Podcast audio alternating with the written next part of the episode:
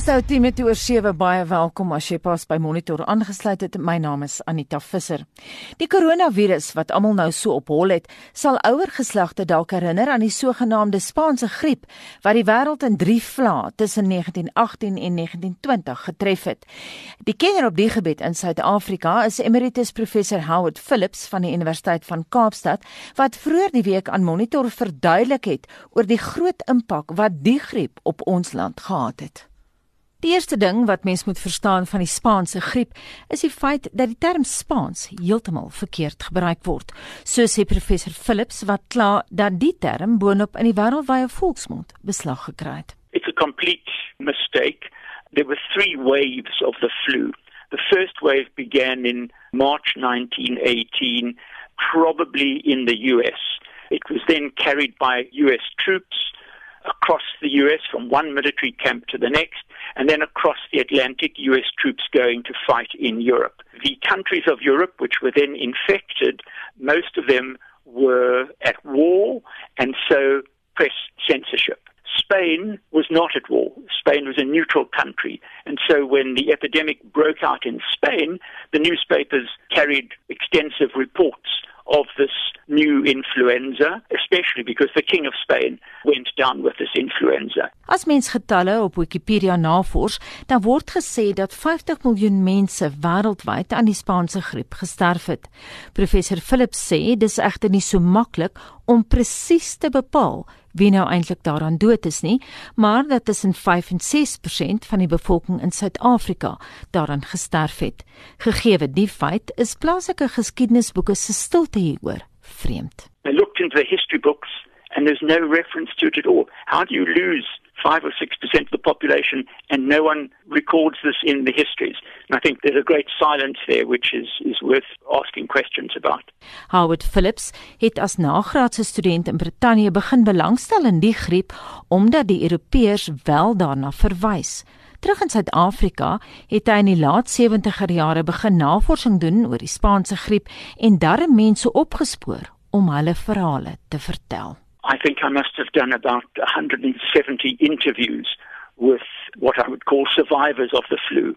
And that really expanded my understanding and comprehension well beyond what the newspapers of the time and the documents of the time were telling. 350 000 Suid-Afrikaners is in net 6 weke se tyd in die tweede vlaag van die Spaanse griep dood. Die land se uitstekende infrastruktuur, veral die goeie spoorwegverbindings, het bygedra tot die verspreiding van die virus. South Africa had probably in the whole of Africa, certainly in sub-Saharan Africa, the best developed railway infrastructure, which meant that when cases of the flu arrived, and these were soldiers coming back from Europe, they were demobilized, very, very cursory examinations and very cursory quarantine, and so they were then allowed to board trains within a week or so, they had carried the flu to every corner of South Africa, and you can actually follow station by station by station. Train stops there, and a day or two afterwards, the local newspapers begin to report there are cases of this influenza. Behalwe vir die soldate, het seisonale werkers ook gesorg dat die griepvirus vinnig versprei. Van die soort afsondering en inperking wat nou wêreldwyd algemeen is, was daar min sprake. There was at a personal level distancing, but no official lockdown of the sort that we have now. Quite a number of people tried to take refuge in the countryside. There are reports of farmers locking their gates, barring the entrance to their farm to keep people away. There was an attempt at isolation, at creating social distance, but nothing like as methodical or systematic as is being enforced or imposed now. Die duurte van die Spaanse griep was relatief kort, wens die feit dat mense so vinnig gesterf het. Some of your your older listeners may still remember a phrase coming down from their parents and grandparents, Swart October. Elsewhere in the world, this second wave, that first wave that I mentioned starting in the US, is one which is very infectious but doesn't kill such a large number of people, and that goes from about March, April through to about June. But the second wave, that's the one that hit South Africa, and that's the one that was deadly. That's about six weeks, and it's relatively short. And the reason for that is because it was so infectious.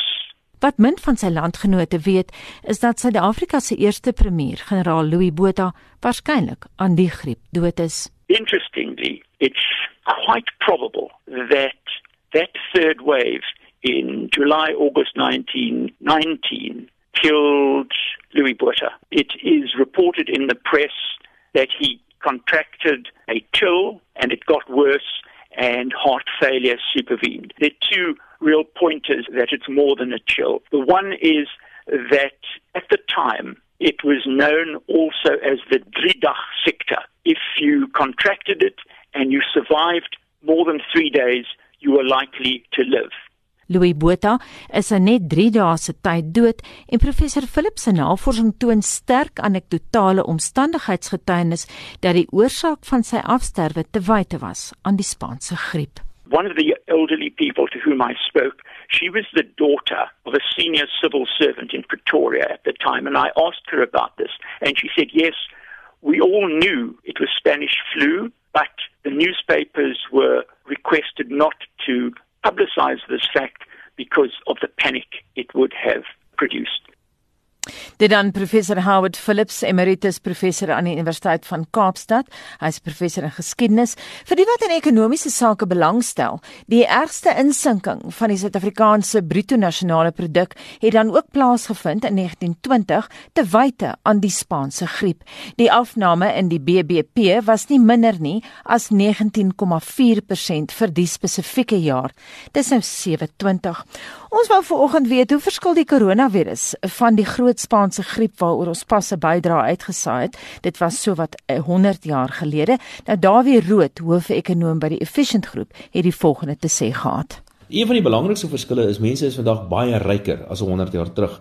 100 jaar terug het meer as 90% van die wêreld se bevolking in absolute armoede gelewe. Vandag is dit so wat 10% en dit beteken eenvoudig dat as arme mense siek word, is die siekte soveel erger is wanneer mense wat relatief ryk is siek word. So ja, dit gaan natuurlik 'n groot impak hê op ons, maar dit sou soveel erger gewees het as ons baie hoër vlakke uh, van armoede gehad het uh, wêreldwyd.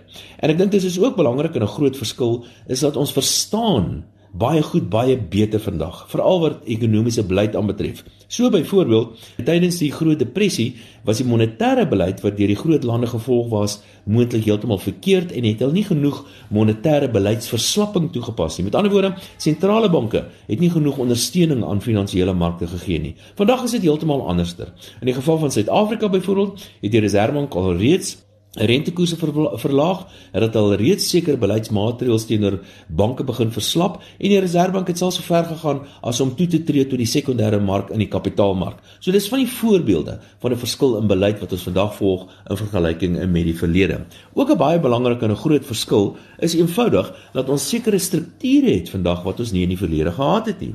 Strukture soos byvoorbeeld regerings. Nou ons kan miskien baie sê oor die effektiwiteit van Suid-Afrika se regering, maar ten minste het ons 'n regering met 'n wye en wydstrekkende magte anderster as jy nou 100 jaar terug toe mense beswaarlik van 'n regering kon gepraat het. Verder is daar ander strukture wat baie belangrik is en instellings en dink net net eenvoudig aan 'n WhatsApp groepie. 'n WhatsApp groepie stel jou in staat om baie belangrike inligting te kry op 'n plaaslike vlak en jouself op die een of ander manier te koördineer en om goeders te reël. En nog 'n baie belangrike verskil het te doen met tegnologie.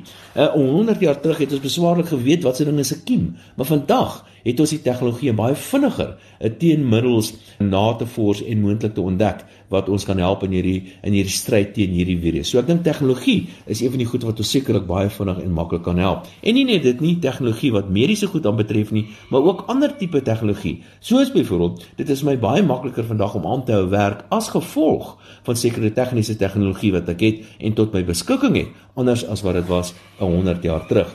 Een van die groot potensiële nadele van vandag is dat mense in 'n baie groot mate spesialiseer.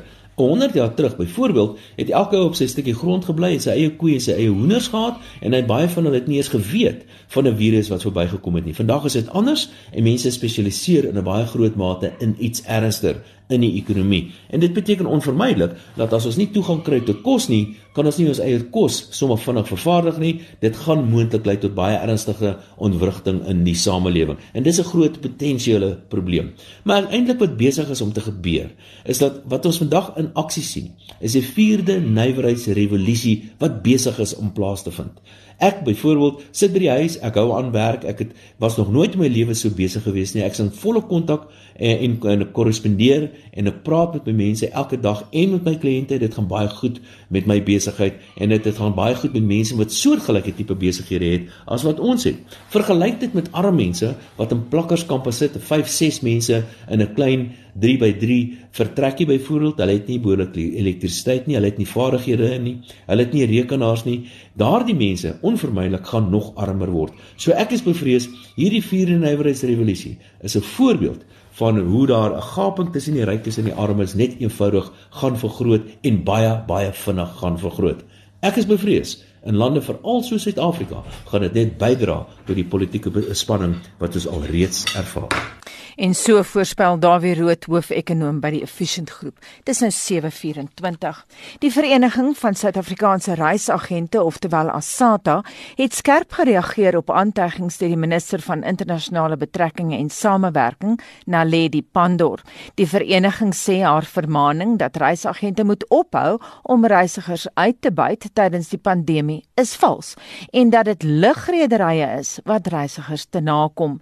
In 'n brief aan president Cyril Cyril Ramaphosa, minister Pandor en ander ministers vra Asata dat Pandor haar stelling moet terugtrek. Ons praat nou met Asata se bestuurshoof Otto De Vries. Hoor, goeiemôre Otto. Good morning. Volgens julle is dit nou nie reisagentskappe wat reisigers uitbuit nie, uh, uitbuit nie, maar lugrederye. Hoekom sê julle so? Um, well, thank you for the opportunity to share um, a little bit of insight in terms of how it's affecting the, the travel industry. I think uh, it might be interesting for your, your listeners to know that ultimately travel agents uh, are acting as behalf of agents on behalf of the airlines, and the airlines are the principals. Um, and we are making reservations on behalf of our passengers who have chosen to use a travel agent with those airlines. The customers pay us or they use their credit card and through us settle directly with the airline. And then normally we're able to issue the ticket and the passenger would travel. In terms of what we're seeing happening now, of course, this travel isn't being fulfilled. And as a result, many passengers are asking for refunds. Now, we understand why uh, the airlines are choosing to rather forego full cash refunds or credit card refunds because they have to protect money in the system. But um, and, and, and of course, cash flows is, is, is something that we all need to manage and mitigate. And they have only been offering as an alternative to passengers uh, future travel through vouchers, which have from airline to airline different terms and conditions attached to those vouchers. So ostensibly what they're asking passengers to do is to rather accept those vouchers with, versus a refund. The principle behind those vouchers is not the problem. The problem is, is that they actually have to give the passenger the choice to either accept a voucher for future travel or to accept a full refund. And we as agents are struggling to drive and deliver those refunds on behalf of those passengers that have specifically asked us to please assist and get those refunds back for them. As jy vir hulle 'n spertyd sou kon gee, wanneer sou dit wees? Mm. I uh, I would be very hesitant to give that. I mean, we look at if we're looking at general trends and if we look at how this is unfolding, I think a few things are taking place. Um, we are hearing different stories, and, and if you're talking about refunds specifically from the airlines, is that what you're suggesting? Yeah. Okay.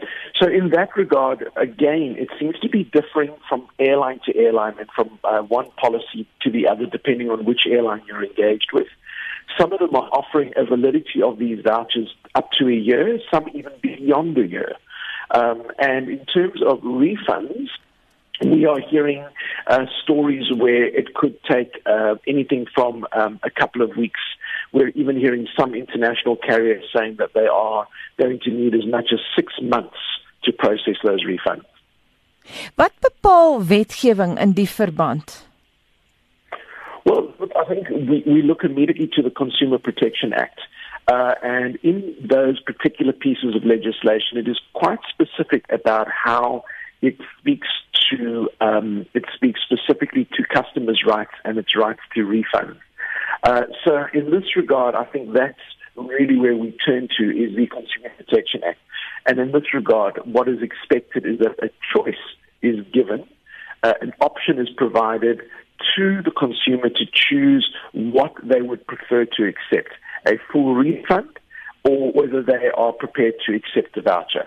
But the, the, the consumer is very clear that it says uh, if a postponement is possible, we urge computer, computer uh, obviously consumers to take up that option rather than to request the refund because we do obviously understand that this will have an impact on the cash flow of suppliers.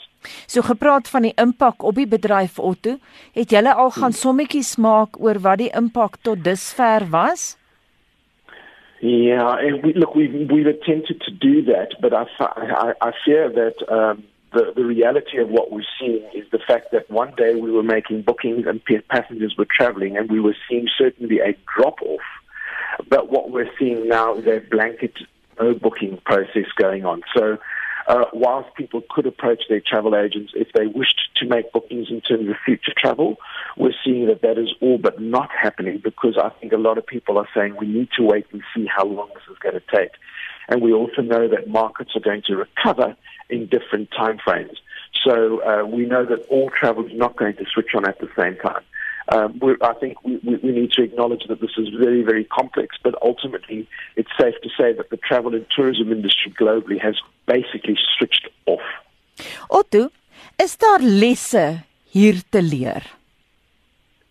Absolutely. I think I think for me the biggest disappointment is that if we look at how travel agents engage with their customers, they always put their customers' needs and requirements as, as their first priority.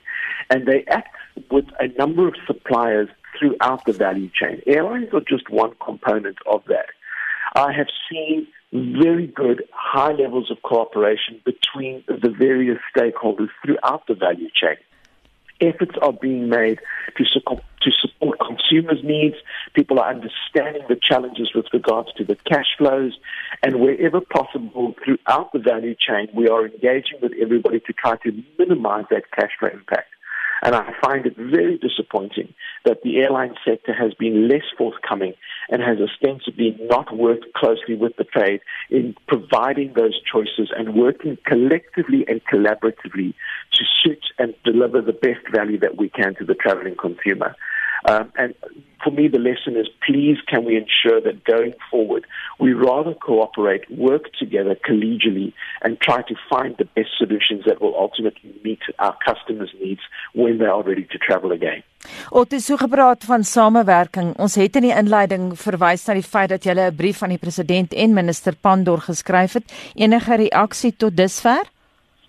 No, not at this stage. Um, and um, look, to be fair, I know that they all have a lot on their plate. There are many, many balls in the air. Uh, we felt it was imperative, however, that the statement was made because the minister was very forthright and very uh, strong in her uh, criticism of the sector, where it was quite evident that what she didn't understand was what was really playing out. And that the problem doesn't necessarily sit with travel agents that are supposedly refusing to refund but that we are having challenges with the airlines in secure those monies on their behalf. Baie dankie en so sê die Vereniging van Suid-Afrikaanse Reisagente se bestuurshoof Otto De Vries. Dis nou 7:32. Wetenskaplikes waarsku dat daar 'n verhoogde risiko vir COVID-19 by kankerpasiënte is, maar wat van kinders met kanker? Monitor het gaan kers opsteek by die Suid-Afrikaanse Kankervereniging se gesondheidshoof, professor Michael Herbst dit is so dat jong kinders veral en ons verwys hier veral na die wat onder 5 jaar ouderdom is dat hulle 'n definitiewe groter risiko het om byvoorbeeld COVID-19 of enige ander siekte toestand op te doen omrede hulle immuunstelsel nog nie goed ontwikkel is nie.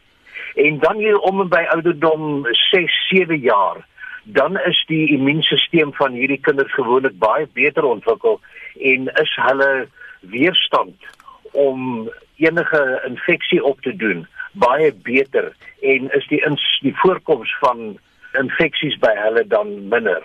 Maar eh, wanneer ons by kinders met kanker kom, dan weet ons al sou hulle op daardie stadium alreeds 'n goed ontwikkelde immuunstelsel het, het die kanker en die kankerbehandeling hulle immuniteit en hulle immuunstelsel aangetast en is hulle weerstand weer eens verswak om enige moontlike infeksie op te doen. Kom ons gaan net vir 'n oomblik terug na ouer mense toe en volwassenes. Hoe gaan die COVID-19 hulle raak? Die belangrikheid hier weer eens is die immuunstelsel. Ons het vroeër verwys daarna dat die jong kinders is nog besig om 'n immuunstelsel te ontwikkel en dit verhoog die voorkoms van infeksies onder hulle. Maar wanneer ons hier by die ouderdom van 65 jaar en ouer word, is daar weer 'n afname in die belangrikheid of in die werksaamheid van die immuunstelsel. En die rede hiervoor wat die meeste wetenskaplikes vir ons sê, is dat gedurende 'n persoon se lewenstyd het hulle met soveel karsinogeniese of kankervormende dinge in hulle lewe teëgekom dat dit weer eens 'n soort van saamwerk om die immuunstelsel onder druk te plaas. En daarom is daar gewoonlik 'n verhoogde voorkoms vir mense ouer as 65 jaar om COVID-19 op te doen. En dit maak nie saak van watter soort kanker jy sou hê nie. Nee, dit het geen verskil in watter vorm van kanker 'n mens sou hê nie want die kanker self tas die selle van die liggaam aan alhoewel dit byvoorbeeld sê longkanker sal wees tas dit meer die selle in die longe aan maar dit het 'n effek dwars deur die hele liggaam en die behandeling die chemoterapie en of die chirurgie en of die bestralingsterapie takel verder die immuunstelsel van die liggaam af en dit veroorsaak 'n verhoogde voorkoms van infeksies Professor, is daar enige verskil tussen COVID-19 en die H1N1 virus as dit kom by kanker? Hoe dit kankerpasiënte raak? Dit was interessant geweest om te sien terwyl ons die influenza A H1N1 grieppandemie gehad het. Dit is die sogenaamde varkgriep. Al die navorsing het vir ons gewys dat enige persoon met 'n onderdrukte immuunstelsel het 'n groter voorkoms getoon vir hierdie varkgriep. Selfs persone wat kanker gehad het om hierdie griep op te doen. Maar wanneer ons by COVID-19 kom, moet ons onthou dat hierdie is 'n nuwe virus. Die mense het nog nie met hierdie virus te doen gekry nie. En die persone wat die literatuur gelees het, sal sien dat hulle daarna verwys as 'n novel virus. Met ander woorde, 'n heeltemal 'n nuwe oorspronklike onbekende virus. En ons is nog op die oomblik besig om te leer. Alhoewel ons baie geleer het uit Wuhan se aangetekende notas oor die griepepidemie wat hulle daar gehad het, is ons nog steeds besig om te leer wat ons sien dat die voorkoms verskillend is in Spanje en Italië en ons sien nou dat die Verenigde State van Amerika se sterkste syfer het nou al die van eh, China oorskry. So ons is elke dag besig om te leer en ek wil mense waarsku dat ons moenie terugkyk na vorige pandemies en dit wil vergelyk met COVID-19 nie. COVID-19 is nog 'n baie onbekende pandemie en ons leer elke dag. So versigtigheid kan nooit oordrewe word in ons stryd teen hierdie griep nie. Dalk belangrik om te noem vir luisteraars met kanker en luisteraars wat nie baie geld het nie en wat in moeilike sosiale omstandighede woon. Julle Kansa sorgsentra bly oop tydens hierdie eh, afsluitingstydperk of hoe? Ons is so dankbaar vir die departement van gesondheid sowel as die regering wat ons Kansa sorgsentra geklassifiseer het as noodsaaklike dienste. Weet hierdie is tuistes wat ons in die groot sentra het waar mense uit verafgeleë gebiede, selfs mense uit nader geleë plekke wat nie kan bekostig om hotelle en uh, ander verblyf te bekostig nie. Vir hulle het ons hierdie sorgsentra waar hulle tuis gaan, waar ons vir hulle allerlei dienste verskaf soos op wasgoed was. Hulle kry etes op elke dag ons vervoer hulle in die oggend na die behandelingsentrum vir hulle chemoterapie of vir hulle bestralingsterapie en bring hulle in die middag weer terug. Want ons weet dat 'n onderbreking in chemoterapie en of bestralingsterapie vir kankerpasiënte is ernstige dinge want dit kan weerstandigheid ontwikkel as ons 'n paar weke 'n onderbreking in hulle behandeling het en hulle moet dan weer van voor af begin, is daar 'n groter risiko vir weerstandigheid teen die kemoterapie en of die bestralingsterapie. So ons verskaf hierdie dienste as 'n noodsaaklike diens en ons is so dankbaar vir ons personeel wat ingewillig het om in die sorgsentra tuis te gaan en daar in afsondering te wees saam met hierdie uh, kankerpasiënte sodat hulle behandeling nie onderbreek sal word nie.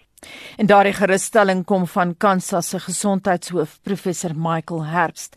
En professor Herbst het my pas per WhatsApp laat weet dat 'n 6 weke oue baba in Connecticut dood is weens COVID-19.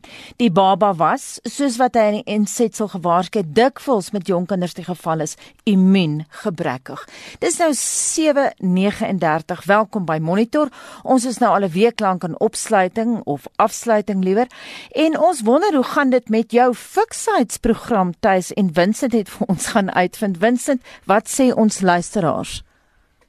Anita, ons ons het baie terug vir hierdie van ons luisteraar af, maar ek wil net gou uh, een boodskap lees van iemand wat sê baie dankie as gee vir die liedjie, die trein na Pretoria, groot herinneringe en heimwee gebring vanoggend na my pa. Dit was my dit was sy geliefkoeste liedjie om te sing as hy soggens gestaan gestaan en skeer het in die badkamer. En uh, sê ook iemand baie dankie um, vir ons van oor ons vorige storie. My pa is gebore in 1901 altyd vertel van die groot griep, glad nie Spaanse griep nie. Dis van Chris Nodief. Maar terug na ons luisteraars vraag toe. Ehm um, Anita, ons luisteraars is baie fiks. Ehm um, ek is eintlik baie jaloers.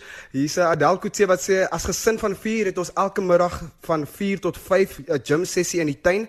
Pa spring tou. Is erg vir 'n kommerheidsatleet om nie te kan hardloop nie. Ek stap om die swembad en en my twee amper tieners tieners doen hokkie oefeninge, dan eindig ons met yskoue water aerobic sessie. En dan Hilde Kamp hy sê dit gaan wonderlik.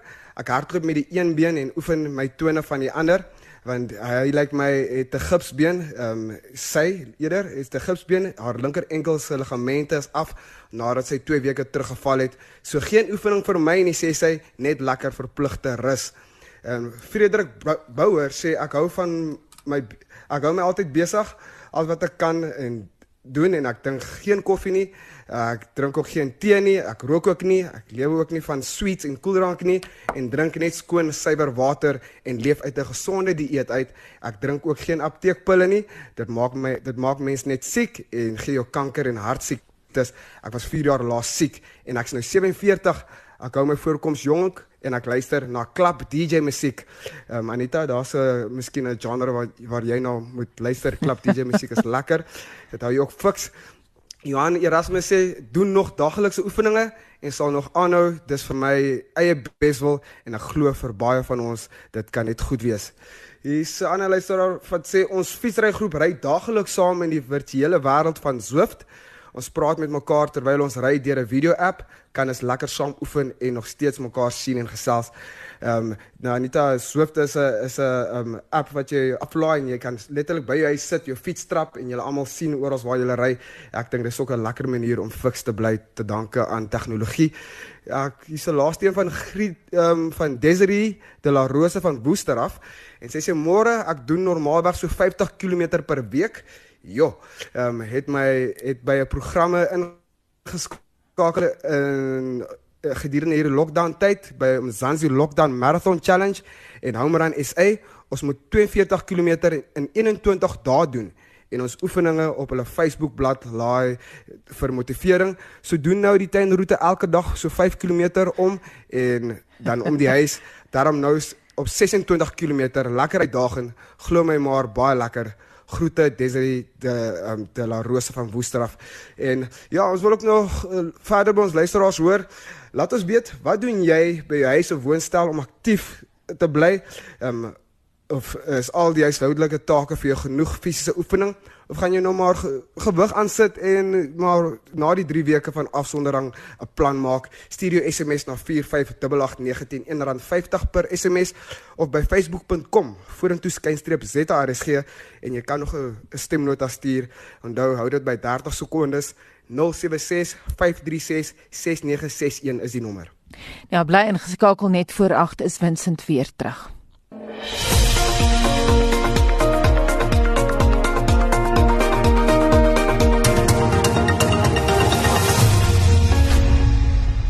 Die strokiesprent kunstenaar en skepper van Asterix, Albert Uderzo, is onlangs oorlede. Na aanleiding hiervan gesels Dr Willem Botha oor die woord strokiesprent, die strokiesprent as genre en oor die treffende name wat in die Afrikaanse vertalings van die Asterix reeks geskep is. Dr Botha is uitvoerende direkteur van die Woordeboek van die Afrikaanse taal. Die Afrikaanse woord strokiesprent is 'n leenvertaling van die Engels comic strip waarin strip met strokie vertaal is. In Nederlands word meestal net strip, 'n verkorting van stripverhaal gebruik, maar in formele geskrifte word soms nog die term beeldverhaal gebruik. Die Engelse vakterm comic of comic strip dui erop dat die medium in die verlede hoofsaaklik komiese onderwerpe gehad het, maar die kuns het mettertyd uitgebrei om alle genres in te sluit. En vandag kan strokies kunstenaars hulle op enige manier uitdruk. Strek van die humoristiese tot aksie, wetenskapfiksie, speurverhale, romanse, superhelde en biografieë. Die term strokiesverhaal dui op 'n volledige afgeronde verhaal wat in strokies as 'n boek of e-boek aangebied word. Afrikaanse strokiesprente het hulle beslag gekry met adoonselle van T.O. Hannibal. Hannibal het in Amerika kennis gemaak met koranstrokies en met sy terugkeer in 1930 besluit om die strokiesprent aan die Afrikaanse publiek bekend te stel.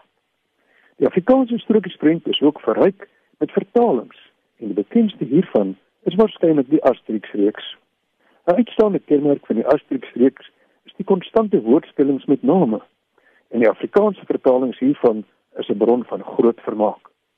Die Galliese dorpie van Asterix en sy stamgenote kry bo menslike krag uit die dupa van die plaaslike druide Castor Oryx in vroeëre vertalings ook abracadabrix en in die Engels getafix. Asterix en sy boesemvriend Obelix word dikwels vergesel deur die brakkie Witblix in vroeëre vertalings Wofix en Drakmatix en in Engels Dogmatix. Die stamhoof van die dorpie is Alamapstix, voorheen ook Groot Kokodorix en sy vrou is Margarine wat baie glad met die mond is. Dan is daar ook nog Lieberlix vroeër Kakafoniks wat by elke geleentheid wil sing. Haar sy sang dryf almal tot raserny. Veral vir druk om 'n bliks, die uistersmit. Dit is nog lank nie al nie, maar gaan lees maar self. En so sê Dr Willem Botha, hy is uitvoerende direkteur en hoofredakteur van die Woordeboek van die Afrikaanse taal. Onthou as jy 'n woord wil koop of borg, besoek www.wat.co.za of Google eenvoudig borg 'n woord. Leon van Heerop het die afgelope week 'n hele paar produksies op televisie gestroom en het 5 van die beste rolprente en reekse gekies waarna jy kan kyk. Leon, goeiemôre. Goeiemôre Anita. Watter reeks is die beste om mee te begin? Jy moet daai raad sommer nou vir my gee voor die naweek. Ek dink veral vir jou want hierdie eerste een is absoluut vir jou. The Valhalla Murders. Lyk dalk net na nog 'n grille reeks waarin reeksmoorde gepleeg word. Gaap, gaap. Die Amerikaners het die genre met verveling en voorspelbaarheid verbrysel, maar by nadere kennismaking besef jy reeds vroeg, dis uitsonderlik vernuwend en atmosferies. En asseblief, moenie dat onderskrifte jou afsit nie. Ons is mos nou al mooi groot en slim genoeg om na reeks in sy oorspronklike vorm te kyk en die subtitels te lees. Uh daarom breek die Valhalla Murders 'n paar ou reëls op 'n wonderlike manier. Vergelyk hierdie statistieke nou met Suid-Afrika se. IJsland word nie net getref deur een van sy eerste moorde ooit nie, maar sy heel eerste reeks moordenaar gruwel in sy geskiedenis. Die IJslandse speurders is nie opgewasse daarvoor nie. Daarom word 'n profileerder vanaf Oslo gestuur om hierdie verlate IJslandskap te help, maar hy het self 'n paar ysblokkies in sy onthou vrieskas. Hy help dan met 'n reeks moord by die hele land en Reykjavik onderste boekits. Wie is dit? En hoekom het die persoon sulke gruwelmoorde gepleeg waarin oë uitgesteek word? The Valhalla Murders op Netflix is pakkend, onderhoudend, verrassend en sal jou inperkingstyd binne oogwink laat verbygaan. Jy vra kyk dit. Raai en ondersoek saam The Valhalla Murders op Netflix 9 uit 10. Ek moet sê jy het my dadelik oortuig. En dan Leon word Suid-Afrika se eerste thriller op Showmax uitgereik, uh, wat ook deur die stromingsnetwerk vervaardig is. Is dit goed? Ons het nie 'n goeie reputasie met rullers in Suid-Afrika nie Anita en is the rage 'n waardevolle toevoeging en is dit vrees van Jan vra jy seker. Ek sê the rage nie noodwendig angswekkend noem nie. Jy ken die klisjées en jy ken zombie flieks. Ek weet nie jy nie Anita maar ek waarvan dit familie is en waarby dit geleen het. Die draaiboek verval ongelukkig in voorspelbare gil en hardloop insidente waarvan nie almal mense onthuts of bang maak nie, maar Die regisseur Jacob Bouwer bewys dat hy thriller tegnieke verstaan. Sy rustelose kamera wat soms weghol, soms volg, betower en gefassineer word en in die gevaar inzoom en altyd ondersoek laat reggeskied aan die gruwels. 'n Groep jong en jeukerige tieners beland in die kloue van 'n kultusgroep en probeer beleef. Nie almal bly in een stuk leef nie. En ek moet sê, dis verfrissend om 'n paar relatief nuwe Suid-Afrikaanse gesigte te sien in plaas van dieselfde bekende gesigte wat reeks na film na reeks dieselfde rolle speel op een welkome uitsondering na in die geval. Die atmosfeer is knallend en donker met tikkie swart humor en selfsrealisme, maar die geweld taalgebruik en gruwels kan sommige kykers ontstel jy is gewaarsku. Jy gaan kop wegdraai of ore toedruk, maar as 'n Suid-Afrikaanse thriller is dit nie te sleg nie. Die ewerbekroubare en legendariese Lida Botha liewer pragtige onderspeelde spel, terwyl David Verfies uitblink in die rol van Leon en Karel Nel, 'n mens groei met daardie uitpeel ruggraat as nou ja, 'n loodgieter nutsman. Hy het egter meer nut as bloot vir verstopte treine. Jacob Bouwer se The Rage word aanbeveel as jy wil sien hoe Suid-Afrika die saak begin rillers maak, dis op Showmax 7/10. Leon, daar moet 'n komedie reeks wees om mense so bietjie te laat ontspan, ook dalk iets vir ouer luisteraars. ja, daarom het ek so lekker gelag Anita. The Kaminsky method is spesiaal gemaak vir ouer mans wat voel die prostaat werk nie meer so goed nie, die humorsin is besig om te taan en depressie druk sy drie onder die pale. Maar as dit nou baie donker klink, is hoor naam nie die geval nie. Michael Douglas speel Sandy Kaminsky met sy tong diep in sy kies. Hy begin 'n teaterskool waarin hy 'n groep akteurs leer om toneel te speel terwyl hy met sy eie demone worstel. Maar dan bring sy siniese vriend, meesterlik gespeel deur Ellen Alken, hom gereeld terug aarde toe, veral nadat die ou baas se vrou sterf en hy buitengewone begrafniseise stel. The Kaminsky method is reeds bekroon. Dis snaaks, dis opwindend, dis gevat, dis pittig en sal jou laat lag ten spyte van jouself en jou situasie op die oomblik. Nou op Netflix, The Kaminsky method 18. Leon en dan het jy nog nuus vir mense wat box office het. Ja, net so kortliks want nie almal het box office nie. Splinter nuwe films word nou op box office uitgereik wat onlangs op die silwerdoek gewys het soos 1917 waar ek 'n ruk gelede heeltemal lyries geraak het oor die Eerste Wêreldoorlog en die aksiefliek 21 Bridges waar 'n New York se brug gesluit is, amper soos nou, né? Nie op die silwerdoek gesien nie. Jy kan dit nou op box office huur om te sien waaroor al die bohaai was, maar veral 1917 is sy huurgeld werd. Lees die resensies op ons webwerf rsg.co.za, klik op fliekrubriek of luister op potgooi daarna.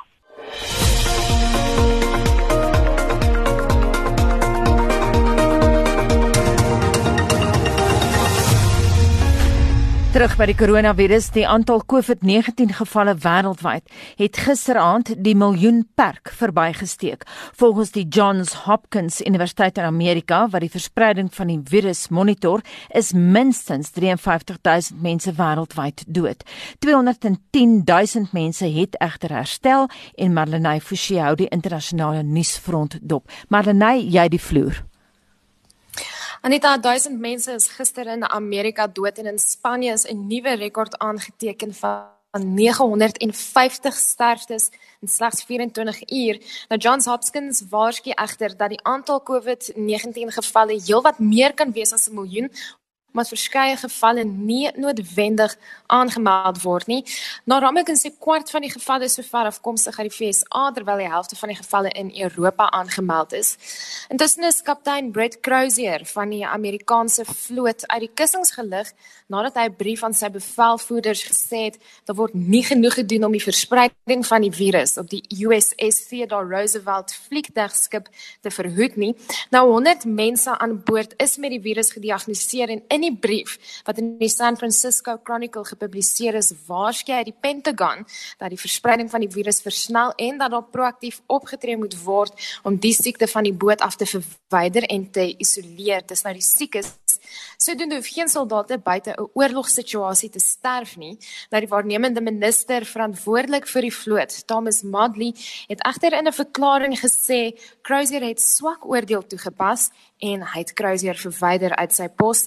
Nou ons bly in Amerika Amerika, die Amerikaanse minister van buitelandse sake, Mike Pompeo, het vroeër die week gesê die moontlikheid bestaan dat Washington dalk sanksies teen Iran en die ander lande kan lig om die koronavirus pandemie te takel. Maar president Donald Trump het in 'n tweet onbevestigde aannames gemaak dat Iran en sy bondgenote 'n aanval op Amerikaanse troepe en of eiendom in Irak beplan. Hy sê indien dit gebeur, sal Iran 'n groot prys betaal. Nou Iran se minister van buitelandse sake het gereageer deur te sê Tehran het nie oorlog begin nie, maar hy reken af met mense wat dit begin. En nog COVID-19 nuus, die president van die Filippyne, Rodrigo Duterte, het gewaarsku dat soldate nie sal huiwer om diegene wat nie die land se inperkingsmaatreëls gehoorsaam nie dood te skiet. Dit volg op oproerigheid in die hoofstad Manila waar inwoners betoog oor regeringshulp. En dan is inwoners van Wuhan in China besig om reg te maak om terug te keer werk toe. Vrywilligers is besig om te help om ons ontsmettingsmiddel in die stad se strate te spuit. 'n Voormalige soldaat is aan die stuur daar saam met 60 ander vrywilligers in beskermingspakke en hulle is besig om skole en hospitale te ontsmet. Dis al van my kant af wat wêreldnuus betref. En dit is dan Marlenae Forsie wat ons op hoogte gebring het van internasionale nuusgebeure.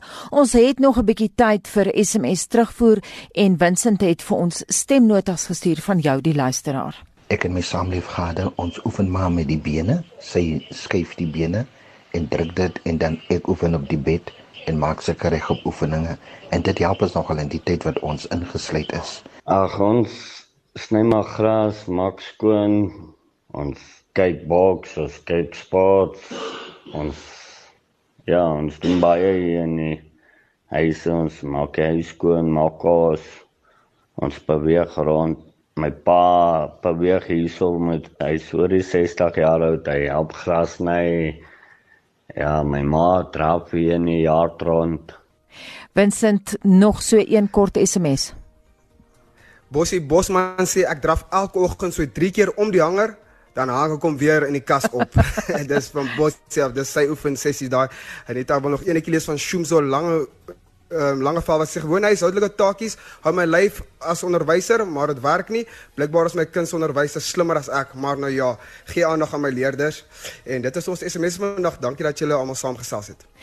En daarmee groet ons namens ons waarnemende uitvoerende regisseur. Hy was ook vanoggend die man in die warm stoel, Wessel Pretorius, ons produksieregisseur Daitron Godfrey en my naam is Anita Visser.